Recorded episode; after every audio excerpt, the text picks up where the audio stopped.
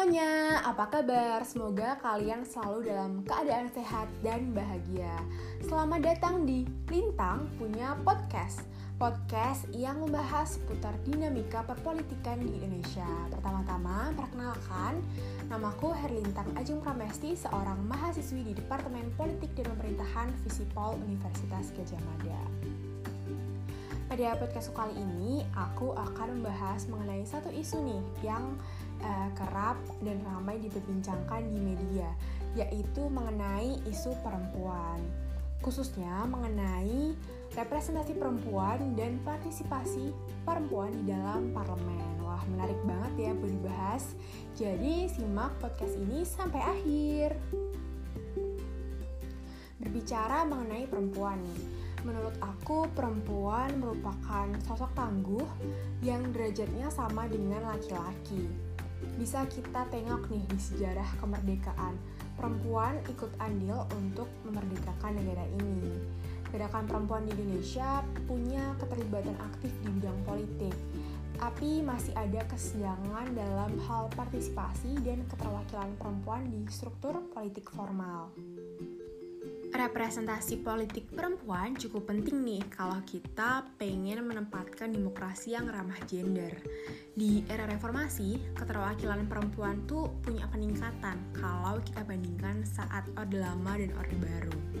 Nah, untuk meningkatkan kualitas demokrasi yang berorientasi pada kesejahteraan rakyat, perlu adanya keseimbangan peran perempuan dalam proses pengambilan keputusan politik di bidang legislatif uh, kalau ngomongin perempuan nih yang paling dekat dengan perempuan biasanya adalah patriarki atau budaya patriarki. Budaya patriarki itu sebenarnya warisan dari masa lampau yang saat ini uh, masih terus menghantui kita gitu keberadaan perempuan di budaya patriarki itu selalu dipersepsikan bahwa perempuan ada di bawah kuasa laki-laki. Padahal laki-laki dan perempuan adalah makhluk yang setara dan juga sederajat. Nah, agar perempuan tidak terbelenggu di bawah bayang-bayang kuasa patriarki, hendaknya budaya patriarki itu segera dihilangkan gitu.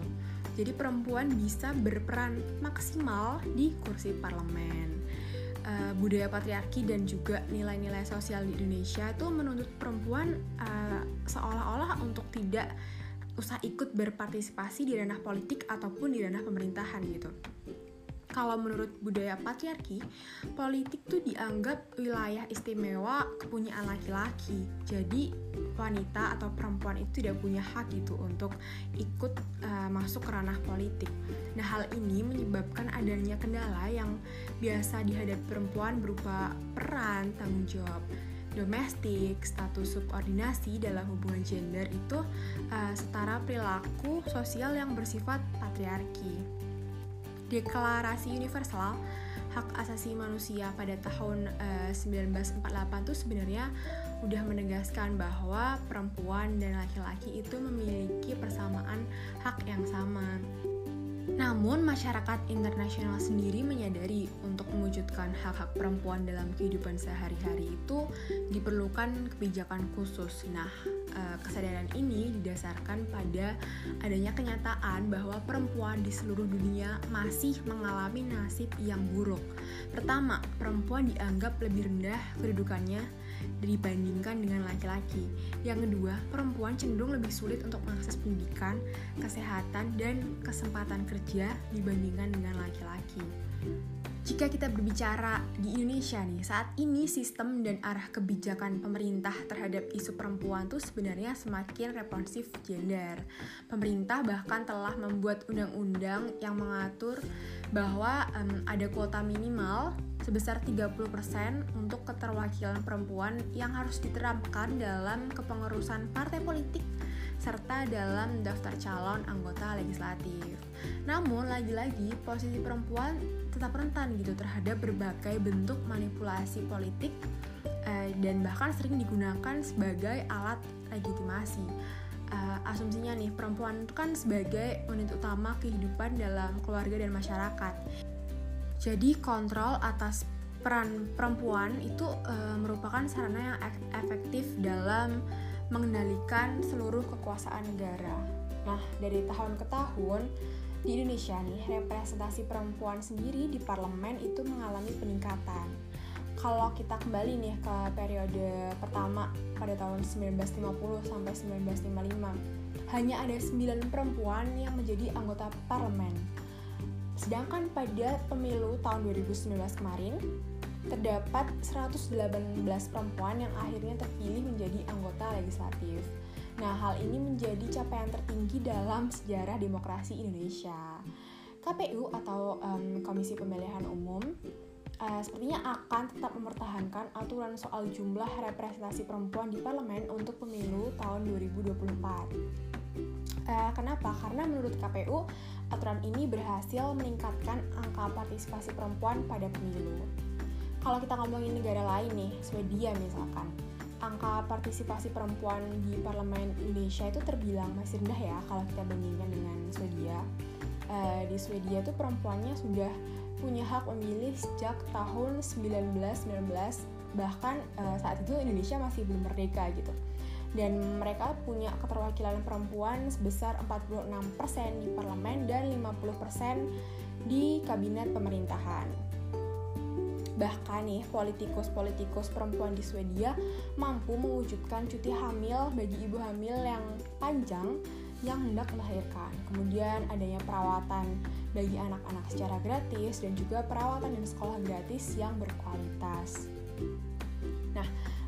Perlu adanya pemberian dukungan penuh bagi kandidat-kandidat perempuan agar dapat tampil uh, secara meyakinkan gitu ketika mereka udah berhasil nih menjadi anggota legislator, dukungan tersebut uh, harus terus berlanjut dengan menyediakan berbagai informasi yang diperlukan bagi tugas-tugas legislator perempuan gitu.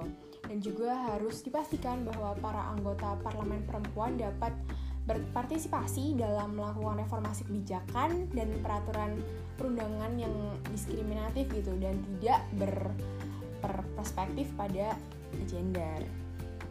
Nah, perlu ditumbuhkan nih uh, gerakan kesadaran publik terhadap isu-isu gender, praktik demokrasi, keadilan gender, peran dan tanggung jawab uh, pemilih, serta perilaku yang mendukung partisipasi serta keterwakilan perempuan secara politis. Nah, akses perempuan dalam politik itu uh, merupakan prasyarat gitu bagi partisipasi mereka. Partisipasi perempuan di bidang politik saat ini uh, cenderung ya lebih positif bisa kita lihat pada bahasan tadi bahwa adanya peningkatan gitu.